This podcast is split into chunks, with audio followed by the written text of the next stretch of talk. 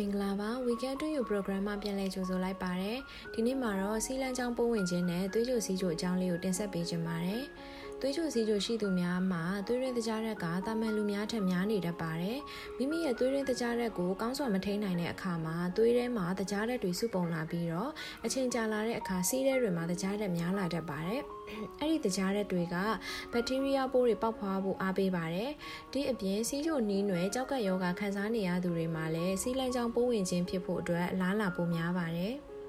စီလန်းချောင်းပိုးဝင်ခြင်းရဲ့လက္ခဏာတွေကတော့ကိုယ်အပူချိန်မြင့်တက်ခြင်းစီးမကြာခဏသွားခြင်းစီးသွားစဉ်ဘိုက်အောင်ခြင်းစီးသွားစဉ်နာကျင်ခြင်းစီးပူခြင်းနဲ့စီးအနက်မကောင်းခြင်းတို့ပဲဖြစ်ပါတယ်။